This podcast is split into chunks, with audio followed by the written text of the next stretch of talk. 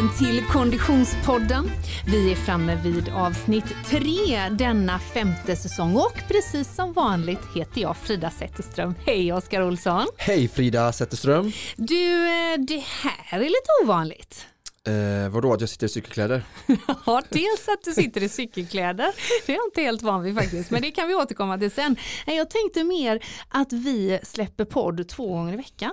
Aha, det är det vi ska göra idag. Mm, så är det. Mm. Extraordinary times demands extraordinary measurements tänker jag. Mm. Eh, för det är ju faktiskt så att under rådande omständigheter så är mycket ställt på ände och vi eh, ska reda ut ett och annat i dagens avsnitt. Ja, vi vill ta upp stafettpinnen och verkligen liksom diskutera och lyfta frågorna och eh, låta alla olika komma till Till tals. Ja, alla olika får vi kanske inte plats med just i det här avsnittet. Nej, men Så många vi kan. så många vi kan eh, skrapa ihop just i det här fallet. Och vi började ju lite grann ta temperaturen och ta tempen på hur mår egentligen konditions-Sverige redan i första avsnittet den här säsongen. Mm. Eh, och då nämnde vi ju namnet Jonas Kolting Ja. eftersom eh, är det någon som har rört om lite i grytan och lyft på lite stenar och ställt lite frågor kring vad är det egentligen som styr besluten eh, kring eh, Konditionssveriges eh, fortsatta verksamhet här och nu så är det faktiskt Jonas Kolting. Så honom ringer vi upp alldeles strax.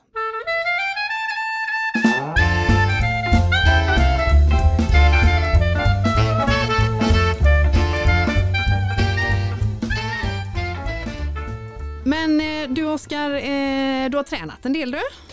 Ja, som sig en bör när man står inför en eh, större utmaning. Ja, det är en större utmaning detta än vad eh, man kan tänka sig. Ja, och i helgen fick jag lite inse det också. Smaka lite på det. Smaka lite på det. Ja. Men eh, det gjorde mig bara ännu mer taggad och mer confident. Mm. Utmaningen som vi pratar om är helt enkelt Supervasan som vi numera eh, har döpt den till, Supervasan by Konditionspodden. Eh, det är ju alltså så att Oskar ska se, ge sig ut i fädernes spår gånger tre. Först från eh, Sälen till Mora på rullskidor. Vända och cykla tillbaka, vända och springa i mål. Allt under 20 timmar. Och precis som vanligt så låter vi ju dig som lyssnar hänga med på resan under den här säsongen. Eh, och, och i helgen som gick så kunde man, eh, om man följer dig på Ototris eh, Instagram, eh, följa med på uppladdningen. Det, det, det där måste väl ändå varit det sista rejäla långpasset eller? Ja, precis. Jag hade ju först fyra dagar av en liksom tyngre träningsvärka. Mm. Måndag, tisdag, onsdag ganska långt och hårt. Torsdag lite lättare och så laddade jag för fredag och lördagen då. eh, Där fredagen var sex timmar och lördagen var åtta timmar. Mm. Och eh, ja, det var bra. På fredagen hade jag som sagt ett eh, grymt bra pass med Emil Lindgren. Där vi det. fokuserade lite på teknik och eh, fine tuning eh, med den nya cykeln som jag hämtade på då. Just det. Så blev det lite hårdare än jag hade tänkt för att eh, är ju, han är en sån inspiration så när han sprätter lite så vill man ju inte vara sen och hänga med. Eller jag ska säga. Eh, så att det är lite hårt men eh, det var inget sådär över det utan jag försökte ändå vara smart och hålla igen det för jag skulle ju åkte direkt sen satte mig i bilen och åkte till Gråbo eh, där jag sprang eh, 42 km trail som Just sista det. långa löppass direkt efteråt. Eh, Så där körde jag eh, ungefär 21 eh, kilometer ganska hårt, eh, lite över tävlingsfart och sen eh, 21 kilometer lite lugnare då. Mm. Eh, att, eh, Mer om eh, eh, ditt träningspass med Emil Lindgren blir det faktiskt längre fram i podden. Mm. näst, nästa avsnitt eh, får vi träffa Emil och höra om det passet och Mm. eh, annan uppladdning inför cykelutmaningar. Mm. Men om vi tittar på, på löpningen där då. Eh, v- hur, hur kändes det? Jag såg vid något tillfälle när du la ut på Instagram att nu är det tufft rent vädermässigt men det kan ju bli motvind mellan Mora och Sälen också. Ja just det. Nu är det faktiskt framme på lördagen. Eh, då hade jag lite tufft där på första timmen där på rullskidor. Eh, på, Alltså, ja, det var först på lördagen det. På fredagen eh, gick det jättebra. Eh, väldigt tacksam både till Emil som gav mig eh, vet du, sällskap en bit och sen även Thomas som kommer vara med uppe som chaufför faktiskt i våra team, Thomas Ottosson. Just det. Han var med sista två milen som var lite lugnare och eh, delar av dem genomfördes med pannlampa vilket också var väldigt bra eh, förövning att springa i skogen med pannlampa eftersom att det kommer även bli fallet mm. eftersom jag inte planerar att vara i mål innan solnedgång under torsdagen den 15 oktober. För det är den tredje distansen det ja. Precis. Mm. så äh, men det, det flöt skitbra, jag kände mig jättestark så det var bara att ladda med energi på fredag kväll och sen ladda för ännu längre pass på lördagen och som är ganska bra att jag gjorde ju det liksom ganska nedtränad och trött då eh, och så visste jag skulle vila på söndagen eh, Eh, men så det var rullskidor och väntade ut regnet lite på morgonkvisten där men det slutade inte riktigt så första timmen kantades av lite vind och regn men det torkade upp ganska bra så tycker jag ändå fick en, en behaglig dag eh, Eh, som sagt mycket vind, det hoppas jag att jag slipper. Det är väldigt svårt, för de som inte åker så mycket rullskidor så väldigt svårt att få bra stavtag när vinden tar stavarna. Alltså ibland så kommer hamna liksom staven mellan benen då för att vinden kommer från sidan till exempel då. Och motvind eh, är också väldigt otacksamt. Det, det är jobbigt med cykel, men rullskidor är ännu värre med motvind för att mm. du har ju hjul som bromsar dig. Mm. Så är det motvind, jag hade något tillfälle där jag kommer ihåg att jag låg och stakade i lite lite motlut och, och så var det motvind och jag hade liksom bara tog i allt vi hade och hade typ 12 km timmen och sen så hade jag något ställe där det var liksom 5-6 km lite mer medvind då hade jag 26 km i timmen med liksom ja, ska säga 40-50% av Kapacitet. insatsen. Ja. ja. Så det säger lite om att eh, motvind och rullskidor är inte roligt. Men skitsamma, jag kommer att ta alla eh, väder som, som, som eh, moder natur kan kasta åt mig och eh, det var ett bra pass, eh, åtta timmar avslutade den tuffa perioden och söndagen bestod av eh, mycket vila. Mycket bra, mm. mycket mm. bra. Ja, det här är, är onekligen ett eh, spännande projekt att följa och eh, vi säger precis som vanligt lycka till Oskar. Tack Frida.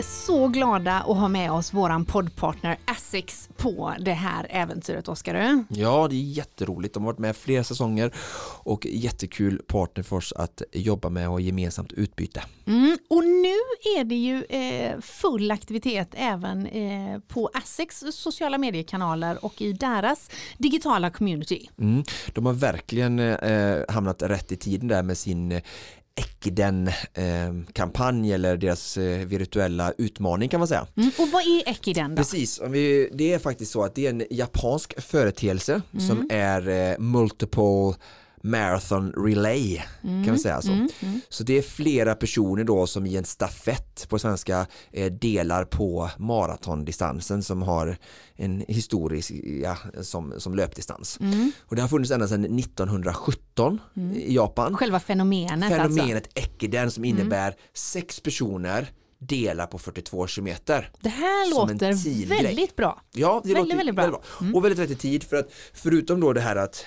det ena har vi då att den är virtuell mm. så man gör det på egen plats eh, när man vill så. Mm. Själva springandet gör ja, man ju i verkligheten såklart. Ja, precis, precis. men eh, man behöver inte samlas i, i stora det. grupper. Eh, och det är ju väldigt bra i de här tiderna. Och sen också så är det så här att som vi jag pratat om tidigare, liksom det här frånvaron från gemenskap och träffa människor är något som inte heller riktigt är så lätt nu och som mm. vi kanske har liksom ett uppdämt behov av och då blir det här liksom en grej, en teamgrej vi kan göra tillsammans och glädjas och ja, genomföra det här tillsammans på ett bra sätt så att jag tycker det är riktigt bra för, för oss att eh, hålla ihop eh, träningsintresserade människor och liksom ett, eh, ja, det blir som ett movement i, i, detta, i denna utmaningstider. Mm, och så springer man då helt enkelt de här distanserna i iförd ett par Essex-dojor. Ja, precis. Eh, de, de kommer ha mycket träningstips och eh, vad heter det, ja, eh, utrustningstips inför det här då och eh, konkret så är det att eh, det är launchat nu mm. eh, månadsskiftet september-oktober så man kan logga in på asics.com och anmäla sitt lag och då är det en lagkapten som man mm. utser eh, som eh, anmäler de övriga laget. Man är sex i varje lag, ja. sex löpare och eh, man springer minsta sträckan är 5 km mm. så det är ju överkomligt och den som springer längst springer 10. Okej, okay. man... är det redan uppdelade distanser? Nej, utan Nej. det kan man välja lite själv. Ni ska få, men ni får ju bestämma det innan så att ni får ihop 42 men mm. om det är sex personer och alla springer lika mycket så mm. blir det ju sju drygt mm. för att få 42 195 meter. Just det. Så då är det tanken nu då att under fram till den 10 november till den 22 november som ska vara själva genomförandet Mm. eller race eh, window kan vi kalla det för.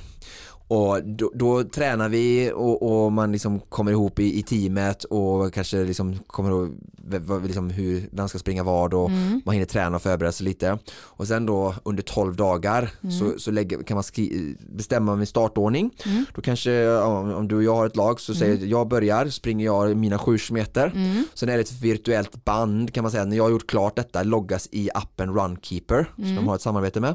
Och så eh, har jag liksom, får jag liksom, nu är det klart då min sträcka Ja. och då blir det som ett virtuellt band som passar, passas vidare till dig. ja, Och då ska du stafettpinnen helt stafettpinnen, ja. Och då ska du genomföra din sträcka Mm. som man har bestämt innan under anmälan. Springer du kanske di- dina 7 meter Mm. och då har vi ju då som sagt 12 dagar på oss som lag att göra detta. Mm. Så då kan man ju liksom, man behöver inte göra det allihopa på en dag eller sådär så det är ju ganska enkelt att kanske synka inom laget innan. Så nej, grymt bra, alltså ett japansk företeelse, Asics är ju ett japanskt eh, liksom Varumärke. företag, varumärke eh, som har mycket i hela sitt sätt att prata och sitt sätt att liksom vara. Verkligen den jap- japanska kulturen liksom Mm. lyser igenom. Och, och, och även den här Ekiden då blir ju ett bra sprunget direkt från Japan då att, Mm. att vi gör en relay eller en stafett då tillsammans för den här Mycket maratonsträckan och ja, mycket bra. Det känns som att vi får all anledning att återkomma till denna satsning som Essex just nu driver. Passar oss känner jag. ja Väldigt, verkligen, vi får nog fundera på om inte vi ska ha ett eh, lag också som bra. får Kanske till och med tävla om så. en bra tid. Och det är ju också så här är man jättevan löpare Mm. så är det, passar det jättebra för då kan man gå ihop några snabba och säga hur fort kan vi springa ett maraton och så vet Exakt. man liksom Kipchoge han sprang under två timmar och nu är vi sex personer, vad kan vi få för tid ihop? Och även om man är sex stycken vältränare Ja, så kan det vara eh, ganska kul för att då får man uppfattning om hur bra de bästa är. exakt. Och sen om man är precis i början på sin träningsresa, man kommer från sommaren, kanske haft ett uppehåll och vill göra en utmaning tillsammans med kompisarna så är det också liksom en kul grej att träna 7 km kanske är långt för vissa och är, är, är okej för vissa men kanske vill springa det ganska fort då. Eh, Så det är också ett bra lagom träningsmål att, att börja nu under hösten. Mycket, mycket bra. Läs alltså mer om Ekiden och eh, eh, allt vad det innebär på asics.com. Tack så mycket Asics.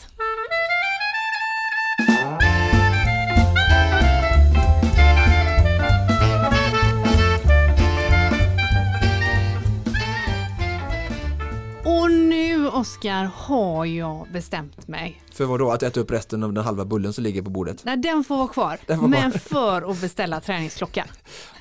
Äntligen! Coach kan nu sluta ligga sömnlös på nätterna. Ja, vi har ju en fantastisk poddpartner den här säsongen i Polar eh, och eh, jag berättade ju redan för några avsnitt sedan att jag är, var ju på jakt efter träningsklocka redan i somras eh, och i och med vårt samarbete med Polar så blev ju eh, valet väldigt enkelt, trodde jag, tills jag började surfa runt Ja. och såg alla dessa modeller. It's a jungle. Ja, på polar.com och den är i och för sig ganska lättmanövrerad och inte särskilt snårig den, den här djungeln men däremot finns det så mycket att välja på så jag fastnade lite där.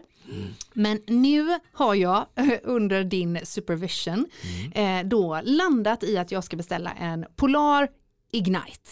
Wow. Ja.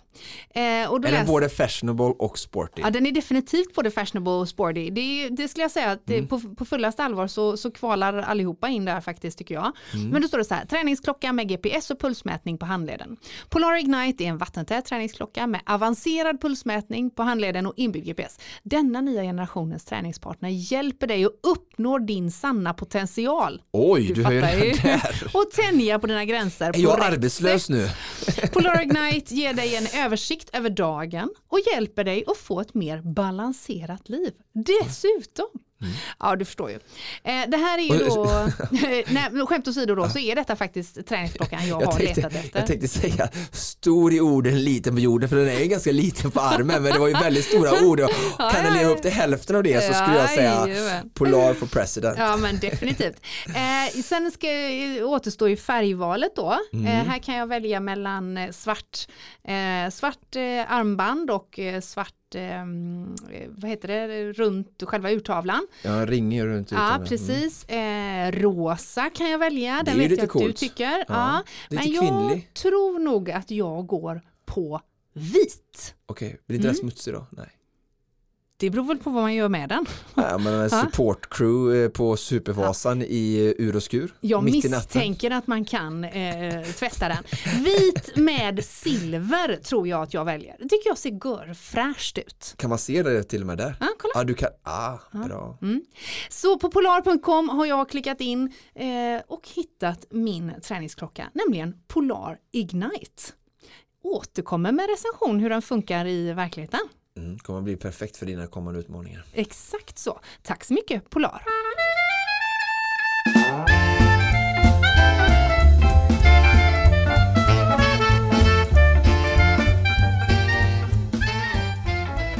Hej och välkommen till Konditionspodden ännu en gång Jonas Kolting.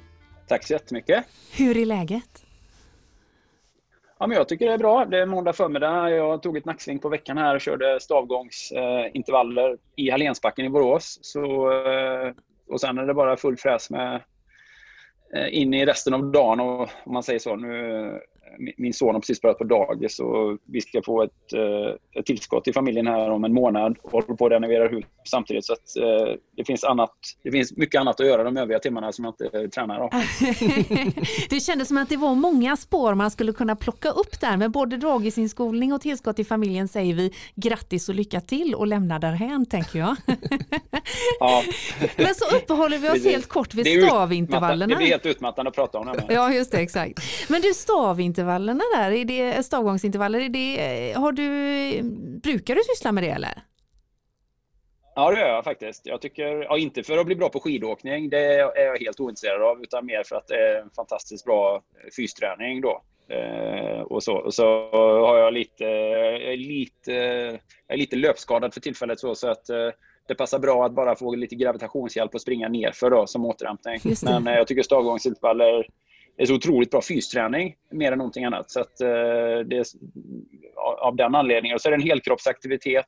Eh, man kan köra hårt med ett minimum av så att säga, risk. Och, Eh, jag bor precis i backens eh, start, så det är många saker som sammanfaller där till, till, till fördel för den träningsformen. Ja. Och just den här eh, måndagen i början av oktober så är det ju strålande väder och, och hög klar luft. Men eh, hur omfattande blir ett sådant träningspass för Jonas Kolting på en måndag morgon? Alltså det, blir ju, eh, det beror på hur många intervaller jag kör, men nu körde jag sex.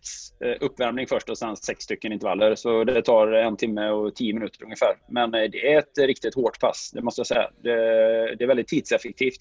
Eh, och eh, ja, nej, nej, jag rankar det som, jag är nöjd, jag är nöjd ja, helt enkelt. Det är bra. Jag är mig själv godkänd. och jag tycker att precis den känslan och tanken ska vi hålla fast vid.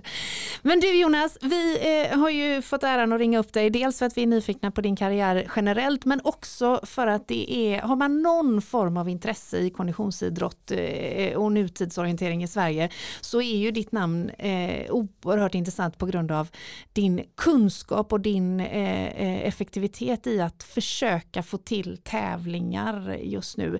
Berätta för oss om hur den senaste tiden har varit och vad som egentligen hände kring eh, Borås Swimrun. Ja, både Borås Swimrun och Borås Triathlon faktiskt. Vi har ju en eventhelg eh, som går lördag söndag då. Eh, och eh, ja, den långa historien kort, det kortfattat är ju att vi flyttade ju våra event från sista helgen i maj. Mm som ju var ordinarie datum och det var vi ju väldigt snabba med att göra. Vi fattade att det här kommer inte gå och sen så var vi också snabbt ute med att eh, claima så att säga ett ersättningsdatum då, så, så, långt in i hösten som vi egentligen kunde försvara meteorologiskt. Alltså typ sista helgen där vi kände att det skulle vara försvarbart att kunna skicka ner folk i, i, i vattnet både på triathlon och swimrun 19-20 september. Och, sen, och vi var ju helt övertygade om att det skulle liksom ha släppts på restriktioner och så vidare. Man ska ju komma ihåg att i våras hade man ju en gräns initialt på 500 personer i folksamlingar. Då. Och sen genom hela sommaren då i väntan på att vi skulle arrangera så har man ju sett att eh, varuhus har varit öppna och badstränderna har varit fulla och restauranger och bargator. Det har ju ja, trängt folk i alla olika sammanhang. Lokaltrafik, tåg, flyg och så vidare. Och så, vidare. så vi var ändå ganska säkra på att vi skulle kunna få arrangera. Eller jag var 100 procent faktiskt. Eh, och sen så sökte vi en massa tillstånd för det här och Eh, ja, vi fick ju hela tiden avslag på avslag eftersom man har varit väldigt hårda med den här ordningslagens tillämpning. Då. Det, det är ju det som det är det som gäller när man arrangerar event på allmän plats. Då. Det är 50 personer på hela banan samtidigt. Eh, vilket ju alla då som lyssnar på den här podden och vi som är med förstår att eh, man kan ju tycka att det räcker att släppa iväg folk med 15 minuters mellanrum för då är man ju liksom långt, då är man ju iväg och borta mm. området. Skulle man köra våran, våran, vår halv-Ironman-tävling, det hade ju tagit åtta timmar per 50 personers grupp om man tänker sig att de som tar längst tid på sig ska få chans att komma i mål och försvinna från området och sådär. Så, eh, men så såg vi också i höstas, eller sent i somras, att det, det faktiskt eh, släpptes på en del lopp som fick arrangeras. Och när vi gjorde nya ansökningar, vi gjorde ju alla former av ansökningar, det vi, liksom, vi döpte, vi gjorde, folk har ju trott att inte vi har försökt, att folk har ju kommit med tips och sådär via mail och messenger och sådär och vi har ju försökt allting. Exempelvis hade vi ju sju, vi sökte ju Borås Swimrun, sju ansökningar för samma tävling, där vi då Borås Swimrun tävling 1, tävling 2, tävling 3 för 50 personers grupper. Men ingenting av det funkar ju då. Men sen då med argumentet att, att det var andra tävlingar som faktiskt fick eh, tillstånd och att eh, ryktet också gick att man skulle släppa upp det från 50 till 500. Det gjorde ju att vi fick ju ett löfte av Polismyndigheten, tillsynsmyndigheten, eh, våran så att säga handläggare där på Västra Götaland. Han, han lovade oss att ja, men ni kommer få tillstånd för det här, både triathlon och swimrun. Och den administrationen kommer ta två veckor. Men eh, eh, på en direkt fråga från oss då, men kan vi börja ta in nya anmälningar? Kan vi börja marknadsföra eventet? Kan vi börja jobba på det? Så sa han, ja det kan ni göra. V när är eh, vi i tiden då? Ja, men då är vi ju, då är vi ju en månad ut. Då är vi ju 20 augusti ungefär. Nej, då är vi kanske eh, ja, 15 augusti. Fem veckor ut ungefär. Mm. Eh, och sen så tog ju bara, drog ju det här bara ut på tiden. Vi väntade på att få de här tillstånden på pränt. Ingenting hände. Vi ringde och påminde. Ingenting kom. Eh, ja, och så någonstans så med bara typ 11 dagar 11 dagars varsel så får vi någon sån här goda yxkraft-svar att men vänta lite nu här, det är ju 50 personers regeln som gäller, ni kan ju inte arrangera era event. Jag bara, fast det, det har vi vetat hela tiden att det är 50 personers gränsen. Vi försökte hitta ett sätt att arrangera runt det här då. Vi gjorde ju sån här super ansökan. Vi visade vi skulle ju hänga in hela området. I, vi har ju fyra hektars område. Vi, alltså vi gjorde ju, han sa ju det själv, det här är den bästa ansökan jag har sett. Men som tjänsteman så kan jag inte, jag begår ett yrkesfel om jag mm. tillstyrker det här. Så att det landade ju någonstans i, i det här eh, avslaget. Deras jurister tittade på det och då protesterade jag ju våldsamt under några dagar. Och jag ville ju, i, inte, inte i affekt, men sådär jag tänkte ju så här, men vi arrangerar det här ändå för det här är så, det här är så orättvist och det här är så dumt. Och det fattar ju, förstår ju vem som helst att den största faran kan ju liksom inte vara att simma i en sjö i Borås när folk tränger, tränger ja, trängs i alla andra sammanhang. Då. Men det landar ju någonstans i att utan polistillstånd så är man så himla körd. Man kan inte arrangera tävlingar utan polistillstånd. Det går inte liksom, för att det är inga försäkringar som gäller. Och deltagarna själva blir oroliga. Folk tror att de bryter mot lagen. Ja. Det gör man ju inte om man deltar, utan det är ju jag i så fall som bryter mot lagen. Men det blir en väldigt oro, stor oroskänsla. Plus att polisen hade nog kommit dit och avlyst eventet i slutändan. De hade ju liksom tvingats åka dit och försöka avlysa det här. Så att det landar ju någonstans i hur mycket man än liksom, ja, hur mycket vi än protesterade och gjorde ett upprop mot det här. Vi fick ju mycket uppmärksamhet. Och jag skrev öppet brev till Amanda Lind och så här, men det fanns ju liksom inget gehör för det här. Jag, jag ställde ju väldigt konkreta, tydliga, argumentativa frågor kring det här. Eh, alltså, eh, men som jag aldrig fick några bra svar på. Utan jag tyckte alltid det var väldigt mycket goddag yxskaft. Och så hänvisar man då till en lag som alla är, är ju överens om att den lagen eller tillämpningen är helt den är så trubbig och dum och fyrkantig och det speglar inte alls verkligheten.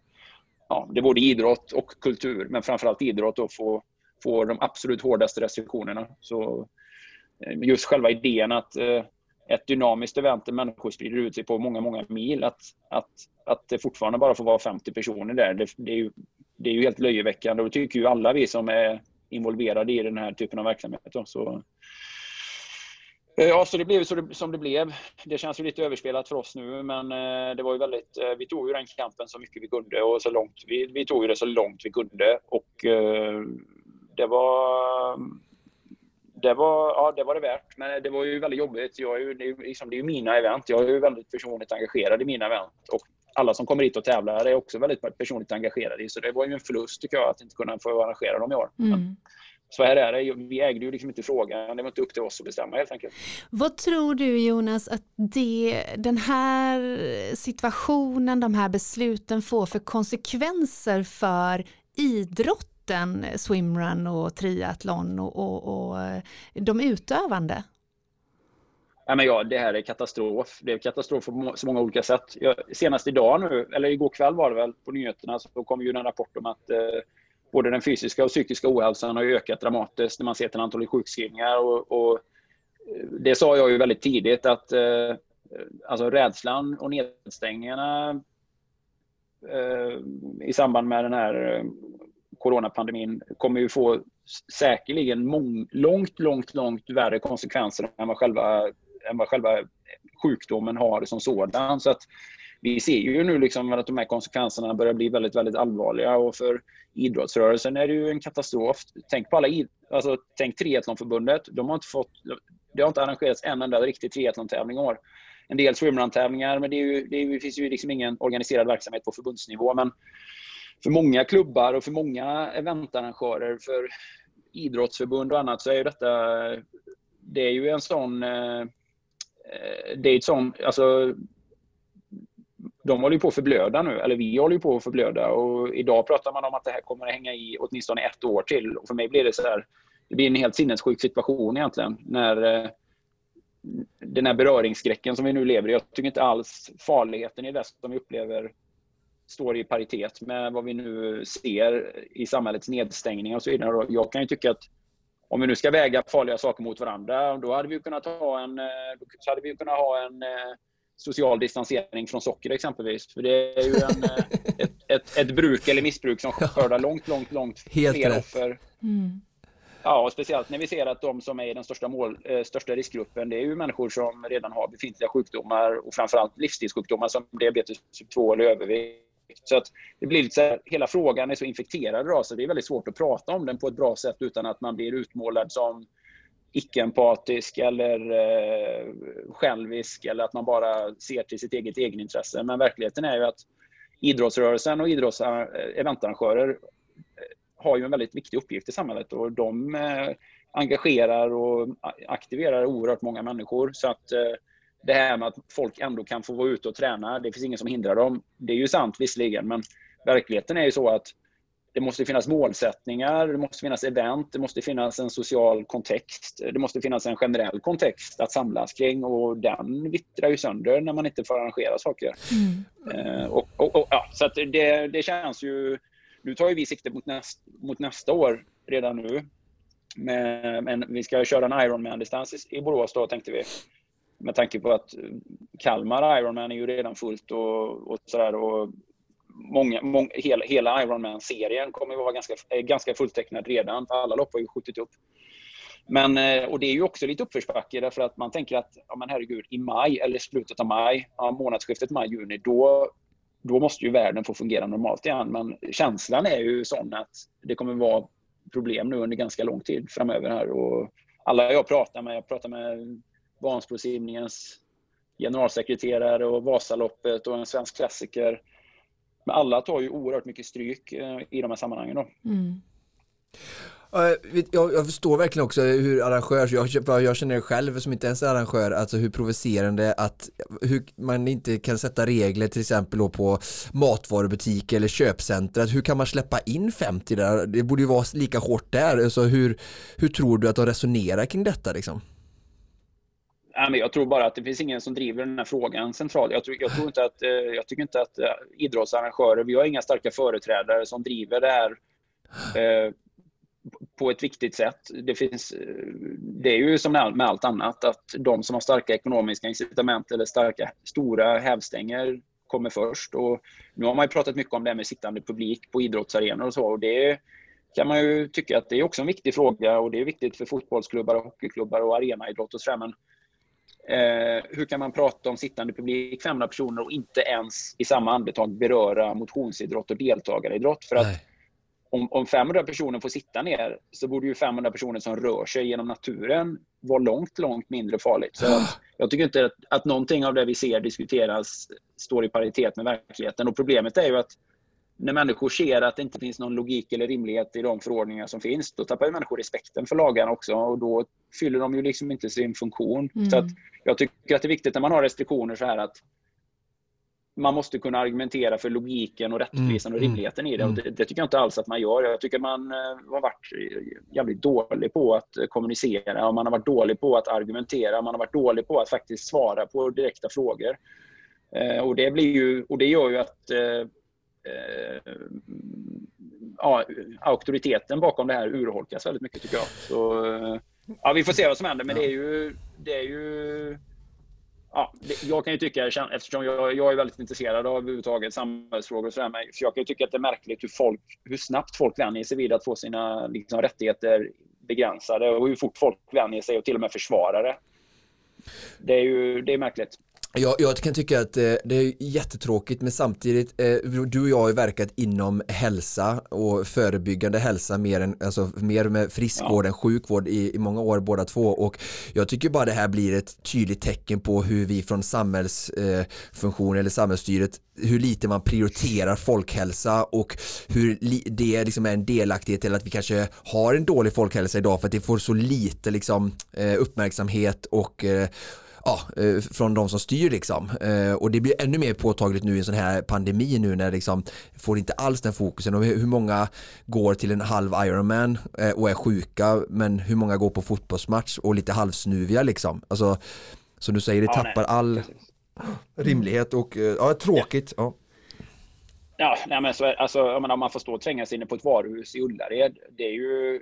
Jag menar, alltså, antingen är det här farligt, antingen är detta inte så farligt egentligen för nästan alla människor, eller så, är det, eller så är det riktigt farligt. Och är det riktigt farligt så tar inte viruset paus. Då är ju det farligt, då är ju det farligt på Ullared och då är det farligt på arbetsplatser, då är det farligt till och med när riksdagen samlas och då är det farligt på restauranger, barer, på tåg, på lokaltrafik.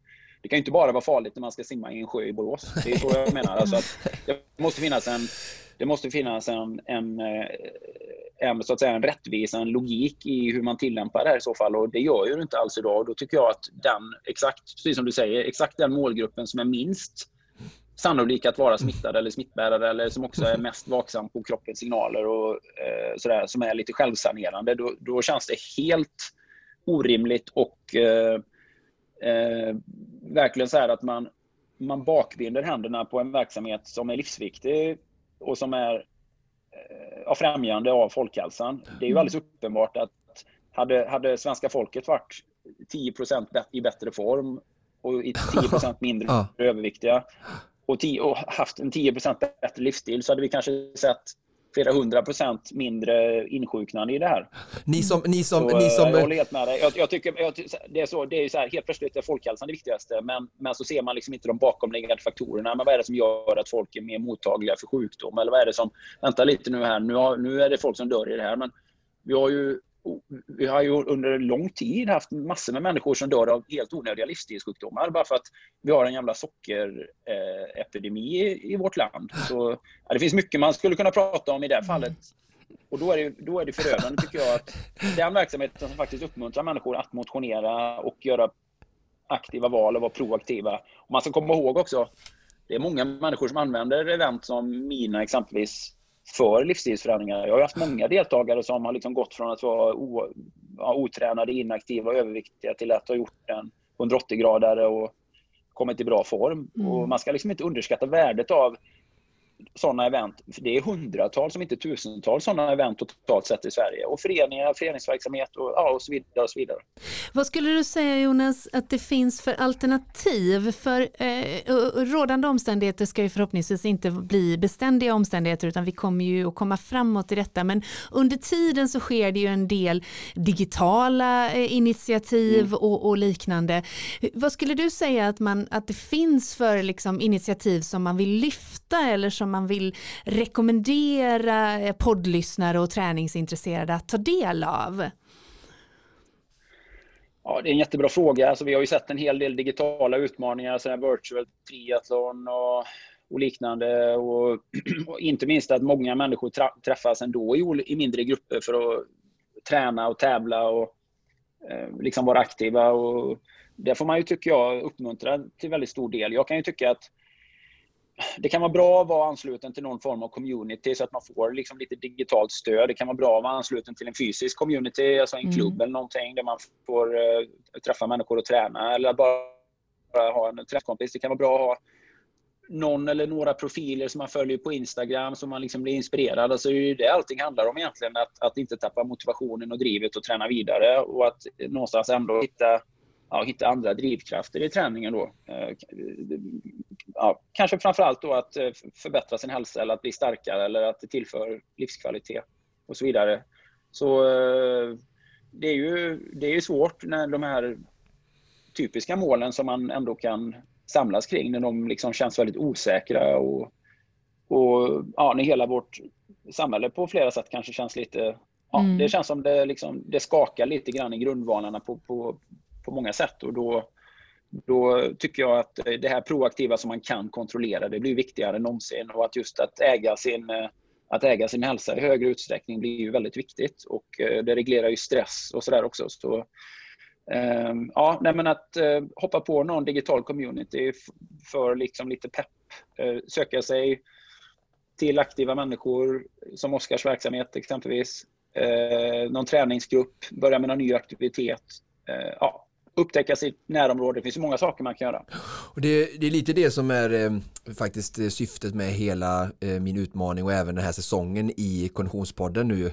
Att jag med den här utmaningen vill visa att jag har hittat den här utmaningen för att driva på min träning, att utvecklas som idrottsman nu när ÖTÖ VM inte blev av. Och jag vill ju visa att man kan, ja. alla behöver inte göra en supervasa utan folk kan hitta precis vilka andra utmaningar som helst. Och i det så får vi motstånd och i motstånd får vi växt. Och sen så när Borås Triathlon eller andra eh, tävlingar öppnar upp sig då har man fortfarande en bibehållen stark konditionstränad kropp som eh, kan sätta tänderna i de här eh, tävlingarna som vi så länge har längtat efter och, och liksom vi har haft roligt under tiden. Så att det här är min sätt att utmana min kropp eh, för att kunna bli en bättre kanske swimrunner eller konditionsatlet. Men folk kan hitta vad som helst liksom som du säger vilken idrott som helst. Men att hitta på lite kreativt någon egen utmaning så länge. Det kan ju mm. vara Hallensbacken upp eh, 12 gånger istället för 6 jag skojar.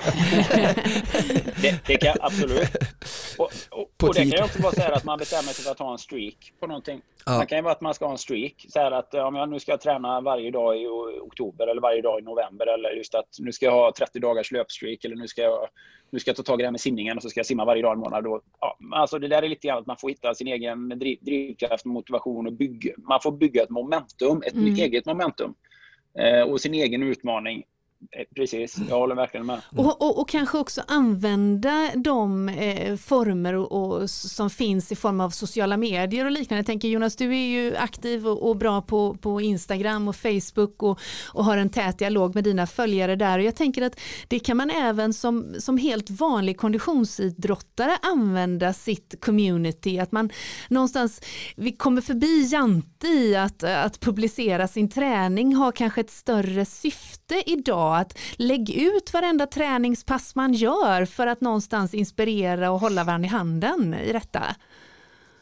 Ja, det är helt rätt. Jag tycker, ja nej verkligen. Det, det bidrar jättemycket och så gör ju vi mycket i våran, i våran coaching som vi har då Colton Borssén också, liksom att vi uppmanar folk att posta på Facebook och peppa och pusha varandra. Jag menar, nästan alla människor har ganska stora liv idag med mm antingen familj eller partner och arbete och så här. Och det är alltid en utmaning att försöka passa in träningen i vardagen och vet man att andra tar fighten på samma sätt och ja, så blir det liksom lite, blir det en inspiration som man kan hitta kraft i. Mm, mm. Vad hittar du din kraft idag, Jonas? Nej, men jag tycker att jag gillar ju att träna. Jag tycker det är härligt i grund. Alltså, jag gillar ju känslan av att vara i bra form och sen så vet jag ju, speciellt just den här perioden, nu är jag väldigt motiverad för att jag vet att om en månad ungefär så kommer det bli lite tuffare och svårare och då behöver jag verkligen vara stark och ha mycket ork och sådär för, för min familjs skull. Så att jag är väldigt sådär taggad att lägga ja, ytterligare fyra fem veckor riktigt, riktigt bra träning. Så att, eh, jag har ju mer en känsla av att jag tränar ju för att vara fit for life nu, kan man säga. Så, så att klara av klara av bördan av att vara eh, familjefader och Eh, Eh, allt vad det innebär då, att vara ett föredöme för mina, för mina barn och att kunna vara en aktiv eh, pappa som kan köra swimrun med minst ja, med mina barn om 15 år. Sådana grejer är sånt som driver mig. Då. Och ett föredöme för, för alla andra människor också skulle jag vilja säga. För att tänk när människan kan komma dit där att när, man, när vi investerar i oss själva på det sättet och investerar just i tid som vi många andra kanske resonerar att de inte hinner och att de då skjuter sig själva i foten. Att istället liksom, jag investerar i mig själv nu och tar mig den tiden och prioriterar den träningstiden för att ha bättre kvalitativt liksom, ork och ja, kraft med det övriga livet. Oftast är det tvärtom. Man bara, jag hinner inte träna för jag måste göra det här och det här. Fast vänta lite, hur bra blir detta? Hur bra effektiv är du? Är? Så att, eh, riktigt kul att höra ditt resonemang där och hoppas att många kan eh, inspireras av det. Jonas... Eh... Ja, sen, och sen får man ju anpassa, man får ju hitta... Ja, varsågod. Nej, förlåt, kör. Nej, men man får ju hitta, man får ju relatera till sin egen verklighet. Jag, jag är ju van att träna som idrottsproffs och under många år så kunde jag liksom eh, tillfredsställa, och få, tillfredsställa det, det suget eller att få kicken av att köra eh, mycket träning eller hård träning och göra det liksom hela, egentligen hela tiden. Eh, och nu är det ju, har jag ju inte lika mycket tid och jag är inte lika, jag är inte lika ung och stark. Eller jag har inte, jag har inte lika mycket tid till återhämtning framför allt. Så, så att, eh, och då gäller det att liksom, då får man ju eh, tagga ner på den här liksom kickskalan och så får man vara väldigt nöjd med, med det man gör. Och jag tror att det är, det är viktigt att kunna förhålla sig till det genom hela livet. Att man ändå kan hitta en, en nöjdhetsnivå som fungerar. Och jag, jobbar, jag jobbar ganska mycket med det. Och att, att, inte, att jag inte ska känna mig missnöjd över det som jag inte har tränat utan att jag faktiskt är väldigt nöjd med det som jag får gjort. Då. För jag har gjort ett bra pass om dagen får jag ändå säga att då är det okej. Okay, då är jag ganska nöjd. Kan jag få in två pass en del dagar så är det jättebra. Och på den nivån så kan jag vara ambitiös ändå fastän att livet är mycket mer ja, komplicerat nu än vad det har varit tidigare. Mm. Ganska bra livsfilosofi generellt kan jag tycka som kan eh, appliceras på många delar. Att hellre vara nöjd över det som blir gjort än missnöjd över det mm. man saknar. Du, eh, vi har ju en stundande utmaning, eller framförallt Oskar har, i form av Supervasan. Eh, du har ju tagit dig an en utmaning eller två genom åren. Det känns som att du har lite erfarenhet att dela med dig av. har du några tips mm. på vägen till Oskar?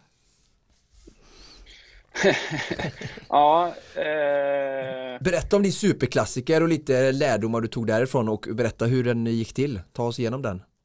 Ja, ja superklassikern. Ja, men det var spännande. Det var så himla länge sedan att ja. Eh, jag, blev jag blev nästan upprymd av, av att, över chansen att få ta, prata om den. Jag, ja. nästan, jag ska inte säga att jag har glömt den på något Nej. sätt, men eh, det var ju som sagt det var några år sedan. Då, och eh, jag fick en idé bara att jag ville liksom köra hela klassiken i ett svep vid något tillfälle. Då, för att jag kände väl ändå så att då när jag lanserade den idén så hade ingen gjort det på det sättet. Och, eh, eh, ja, klassiken är ju som en triathlon plus skidåkning. Det är ju simning, cykel och löpning och så är det skidåkning. Då. Och, eh, jag eh, bestämde mig för att göra det 2004 och eh, jag gjorde det veckan efter VM i triathlon gick. VM i triathlon långdistans gick i Säter 2004. Och då, Eh, jag tog, eh, det var, gick väldigt bra för mig då. Jag kom tvåa eh, min, min andra VM-medalj var 30 sekunder efter Torbjörn Sindballe som vann.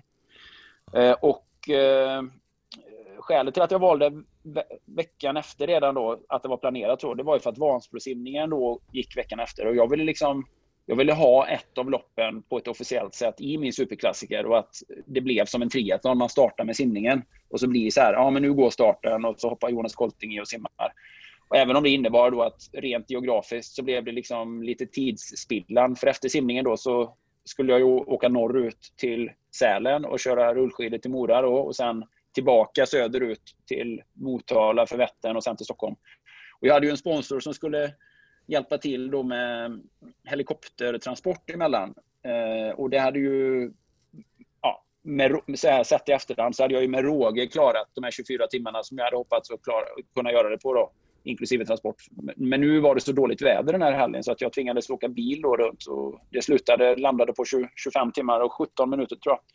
Med alla distanser. Men ja, jag simmade Vansbrosimning. Jag tror jag kom nia i loppet och så bara kuta rakt genom målområdet in i väntande bil. Knöra på med alla kläder och underkäll och så rullskidor då ifrån Vasaloppsstarten då, eh, Sälen eller Transtrand där utanför ja, de här åkrarna Eh, och så skidar jag då, precis som du ska göra då Oskar, mm. gamla, den här gamla Sälenvägen, eller. Moravägen heter den väl, landsvägen.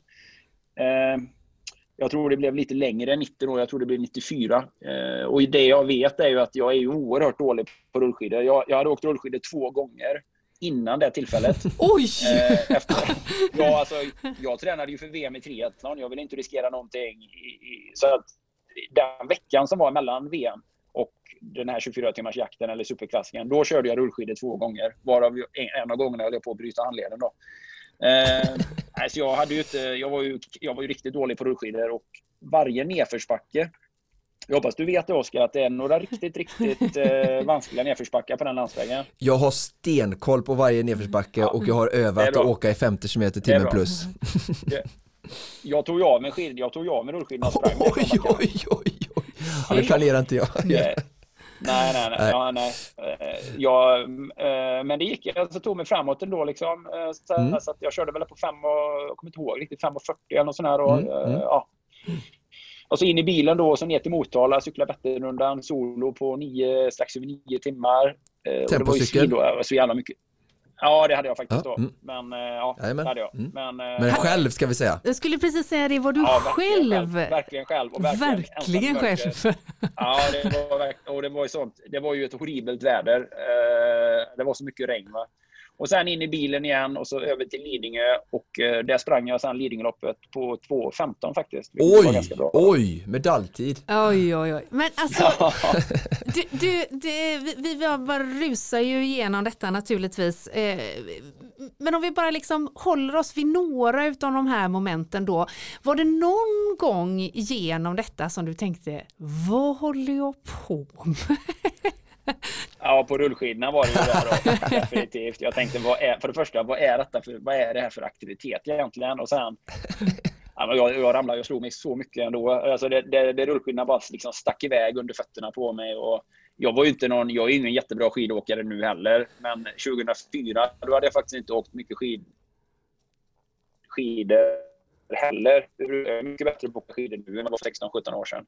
Och eh, ja, nej, rullskidor är ju liksom, det är ju en egen det är ju en egen motionsform. Men skidor har man ju fördelen om att skidorna står i ett spår i åtminstone när man är på rälsen så att säga. Här bara stack ju iväg åt alla möjliga håll och kanter och ingen broms och nej, det var... jag kände att nej, men ja, det var verkligen bara så här. Om jag överlever det här, ja, då är det ju bara gräddfil resten. Cykla och springa, det är ju inga problem alls. Så att, eh, när jag väl liksom kom i, i mål där i Mora så var det ändå så här. Okej, okay, nu är ju det verkligen det värsta jag gjort. Eh, vilket okay. ju var sant också. För sen eh, gick ju det andra gick ju väldigt bra ändå. Ja, mycket bra. Vad, vet du det, hur, vad var de mörkaste partierna under cyklingen? Den var ändå längst liksom tidsmässigt.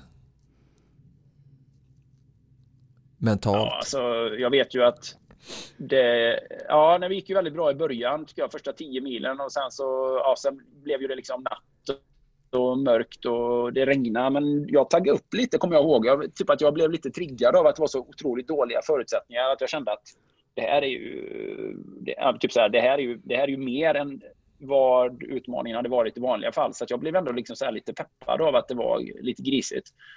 Eh, men sen var jag ju i väldigt bra, jag var ju i väldigt bra form. Jag var ju i sjukt bra cykel och löpform och så jag var ju väldigt bra tränad generellt. Men sen vet jag att jag blev trött, alltså jag blev sömnig någonstans där vid tidigt på morgonen då när jag nästan hade varit uppe ett dygn. Eh, så här, någonstans där vid Askersund, någonting tyckte jag väl inte det var så, eller Karlsborg kanske det var, Karlsborg, Askersund, det tyckte jag inte det var så jättekul kanske. När man kände så här att, ja mer att så här, oj vad jag är sömnig, jag skulle behöva sova lite, så, och plus att man är fysiskt trött och så då, så det var väl en, eh, det var väl lite tufft så, men eh, jag minns att jag ändå tyckte det var liksom så här, det var ändå en, det var ändå en ganska speciell upplevelse så, lite, ja men lite, ja det var lite ja, utmanande fast på ett väldigt positivt sätt. Jag kände att jag ändå gjorde någonting som inte någon hade gjort på det sättet innan. Precis som du ska göra nu. Ja. Vad hade du för crew med dig och har du några tips till Frida som ska liksom vara vid sida, sid, sidbänken? jag, hade, jag hade några kompisar med mig och eh, min dåvarande flickvän sambo var med mig också där och peppade mig och sådär. Så det var ett, ett gott gäng som eh, egentligen bara såg till att jag var hyfsat nöjd och kunde byta kläder på mig. När jag var, du vet, så här, se till att jag fick någonting att äta och ja, höll mig i sällskap och ja, det var langa vätska till mig. Så att, eh, det, var på den, det var på den nivån. Mm. Nej, men jag skulle vilja säga att ett bra tips är väl att vara väldigt duktiga på att kommunicera, att vara tydlig med att eh, de önskningar man har och även innan att man liksom vet hur man ska kommunicera. Vart, och hur ska man göra när man langar vätska? Vart ska man stå? Eh, man gör en plan för vad man ska mm. äta och dricka exempelvis. Man gör en plan för vilka kläder man ska ha vid vilket tillfälle. Det är också viktigt. Man, man gör en backup-plan för om de här skorna börjar göra ont, då vill jag ha de här skorna. Om jag får eh, skavsår mellan i armhålorna så vill jag ha det här. Alltså all, alla sådana här, man tänker på alla vad, vad, vad, skulle kunna hända? Mm, mm, vad, vad, skulle kunna vara ett problem? Vad skulle kunna bli ett problem? Se till att ha extra av allting. Tänker ni så här att ja, men det räcker med det här, så tar ni dubbelt så mycket av det. Så att man har liksom backup på backup. Eh, jag skulle säga många olika saker att äta skulle jag vilja rekommendera. Även om, även om 80% inte blir uppätet i slutändan så är det bra att det finns mycket sånt som att det finns lite grann att välja mellan. Det kan vara allt ifrån chips till ostkaka till ja, vad du nu har för preferenser ja. i smak. Liksom. Någonting sådär som eh, ja, risifrutti kanske. Croissant med eh, Nutella vill jag. Just det. Ja, just ja, exempelvis, Löser det. Exempelvis. det. ja, exempelvis. Eller kanske en halv grillad kyckling. Alltså det kan ja. vara alla möjliga saker som du känner att du blir liksom hungrig på så att man har backup på de grejerna. Att det finns ja, man tar täckning för att det kan bli då jättedåligt väder och att man behöver byta kläder mycket ja, pannlampa, batterier, allt sånt där är väldigt viktigt att liksom planera innan och hur man, hur man langar vätska. Och att man tar höjd för att humöret inte alltid kommer att vara på topp också och att man vet det som besättning. Menar, det har ju alla som alltid har kört tävla eller hjälpt mig med om det har varit Ultraman på Hawaii och sådär, att man vet att det blir lite, lite race, race face. Kan ju inte alltid, kanske inte alltid är så glatt och roligt utan man är rätt så, man kan vara ganska barsk och karg eller så är man bara väldigt så här, tydlig så att man ropar väldigt högt för att ingenting ska missförstås. Bara så att man vet det i besättningen att jag är inte arg på er utan jag är bara väldigt koncentrerad här. Det var bra tips. Mycket ja, bra. Alltså jag, jag antecknar Jonas alltså. ja, men jag är inne i bubblan och krigar nu så att ja. eh, vad jag än säger och hur jag än säger det ska ni inte ta personligt utan eh, jag älskar er och ni, ni, jag vet att ni hjälper mig. Och, eh, men jag kommer inte hade man inte vetat bättre hade man kunnat tro att jag var arg på er. Mm. Är ni med? Så bara så att man är så här, man är, man är medveten om att uh, ja, här är ett jäkla krig nu som försiggår och, och uh, det blir väldigt så här, det blir väldigt primalt till slut. Mm. Mycket, mycket bra tips, matnyttigt. Eh, alltså jag har ju en lista här nu Jonas och är, är evigt tacksam. En detalj känner jag att ja. vi har kvar dock. Och det är ja. Hur firar Jonas Kolting en eh, målgång, en seger, eh, ett genomfört lopp? Det är ganska olika faktiskt. Jag i de flesta fall har varit väldigt sådär modest efteråt. Jag, I nästan alla gånger som jag har gjort någonting bra så har jag varit så jäkla trött efteråt. Framförallt. Eh, då är man mer så här nöjd att bara vara färdig. Eh, i nästan alla gånger som jag är klar med någonting så är det mer liksom en känsla av lättnad eh, än kanske ren och pur glädje. Det med att man är riktigt lycklig, det kommer ju kanske lite senare. Det är mer en, för, en förlängd känsla. Men ofta är det mer så här en känsla av lättnad, att man äntligen är klar och får sätta sig ner eller ja, vila. Mm. Så att eh, jag vet när jag körde superklassiken där så vet jag att jag blev lite firad där ute på Lidingö och sådär. Eh, och ja, klassi, svenska klassikerorganisationen var där och så här, men Sen vet jag bara att man väldigt, väldigt snabbt där så blev jag väldigt, väldigt trött också. Och då, ja, då, man orkar inte så jättemycket och då vet jag att typ det enda jag åt sen på den kvällen det var någon sån här mosbricka på Vallalavägen i Stockholm. för jag skulle vara på TV. Sen åt jag sjukt mycket däremot på frukostbuffén dagen efter. Jag vaknade på natten och kände mig som att min mage höll på att eh, kannibalisera på sig själv. Jag kände som att min mage gick inåt. Mm. Eh, så. Eh, den höll på att äta upp mina inre organ. Nej, men annars så tycker jag man ska, man ska ju absolut fira och så, men eh, jag har alltid varit så här. Jag vet ju när jag simmade runt Gotland.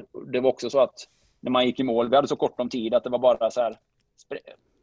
En champagne, någon form av mousserande vin, en champagnekork och sen var det bara springa och byta om för att hinna med till färjan. Alltså, ja, så det är lite så att många gånger så, ja, nu måste vi, ja, okej, nu måste vi packa ihop och göra det här eller ja, ni vet ju själva hur det är mm. efter ett event och så är det mycket efterarbete ofta. Man ska, man ska direkt ta sig själv vidare till något annat område och det ska bytas om och så. Men, ja, men mm. det är stort. Efter superklassingen där, då får det nog bli en, eh, någonting gott att äta, någonting gott att dricka. Det är alltid att rekommendera. Mm. Vi löser bubbel, Oskar. Ja, vi bra. löser Det bubbel. jag. ja, men du eh, Jonas, tusen tack för både insikter, kunskap och eh, eh, bra råd på vägen. Eh, både till Ja, Oskar och inte minst till mig. Och jag vill rikta ett extra tack till, till dig Jonas eh, personligen för allting du gör för idrottssverige. Eh, Det är så ärofyllt och imponerande och eh, det behövs fler sådana som eh, vad ska man säga, står upp mot etablissemanget och sätter lite press för eh, svensk folkhälsa, idrott, både barn som vuxna och att det här får leva vidare trots rådande situationer. Mm. Ja, tack så jättemycket. Mm. Eh, och lycka till, nu på, eh, lycka till nu på den här supervasan. Det blir väldigt spännande att, eh, Du får det är följa. spännande att följa. Mm. We will keep Det är ju en annan viktig grej där, att veta vart man ska träffas ute i naturen. Det vet jag så här, att man har såna här håll, att man verkligen vet att så här, för du försvinner ju ut där på de här spåren Mm. sen när du ska Mm. springa och cykla. Mm. Man har så här koll på ja, typ, att man inte missar varandra. Det är, ju, hade ju, det är ju förödande för psyket annars om man förväntar sig få en dricka vid kilometer 27 och så är inte supportcrewet där. Det hade varit katastrof. Jag har en chaufför med mig som kan eh, varenda kilometer och jag har ett Ja, är tidsschema bra. som är eh, i minsta detalj. Minutiöst. Ja, det är bra. Kom bara ihåg att sådana här tidsscheman kan Ja, ja. tendera Ja, ja. att eh, fallera och då gäller det att ha backup på back- ja. backupen Ja, där ja. också. Men jag är säker på att du har fullständig koll redan. Ja, ja. Ja, men Underbart. det ska bli kul att se. Ja. Tusen tack för detta Jonas. Eh, Stort lycka till eh, eh, både med eh, inskolning och framförallt eh, eh, tillökning. ja, tack så jättemycket. Mm. Ja, det är spännande. Är det. Ha det så fint. Ni också. Hej då. Hej, hej.